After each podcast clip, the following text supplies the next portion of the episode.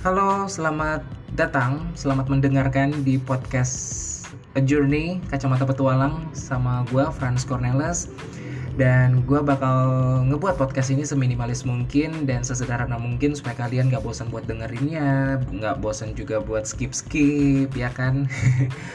dan podcast ini gue bakal buat uh, berdasarkan personal journey gue dan mungkin topiknya akan related dengan kalian. Mungkin pengalaman gue tentang kegagalan atau ketakutan fears failures or something yang gue bakal update setiap minggunya. Dan kayak gitu aja gue nggak bakal panjang-panjang. Semoga kalian juga nanti akan suka dengan podcast gue.